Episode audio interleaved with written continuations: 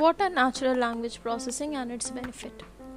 NLP is a field of artificial intelligence that makes human language coherent with machines. NLP consolidates the intensity of etymology and computer science to contemplate the guidelines and structure of language and make clever frameworks. Natural language processing benefits. How does natural language processing work? Natural language processing benefits estimation analysis is one of the most well known NLP errands, where AI models are prepared to characterize text by extremity of conclusion, whether positive, negative, non partisan, and whether in the middle. The greatest preferred position of AI models is their capacity to learn all alone, with no compelling reason to characterize manual standards. Why is natural language processing difficult?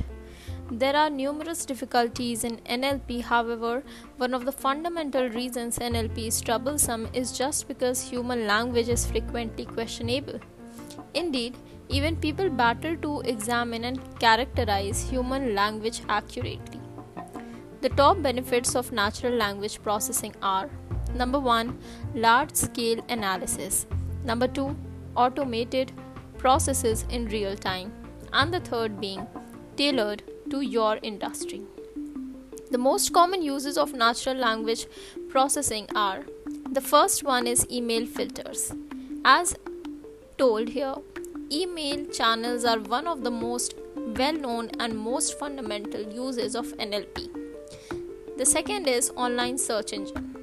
Results frequently change consistently following moving inquiries and transforming directly alongside human language.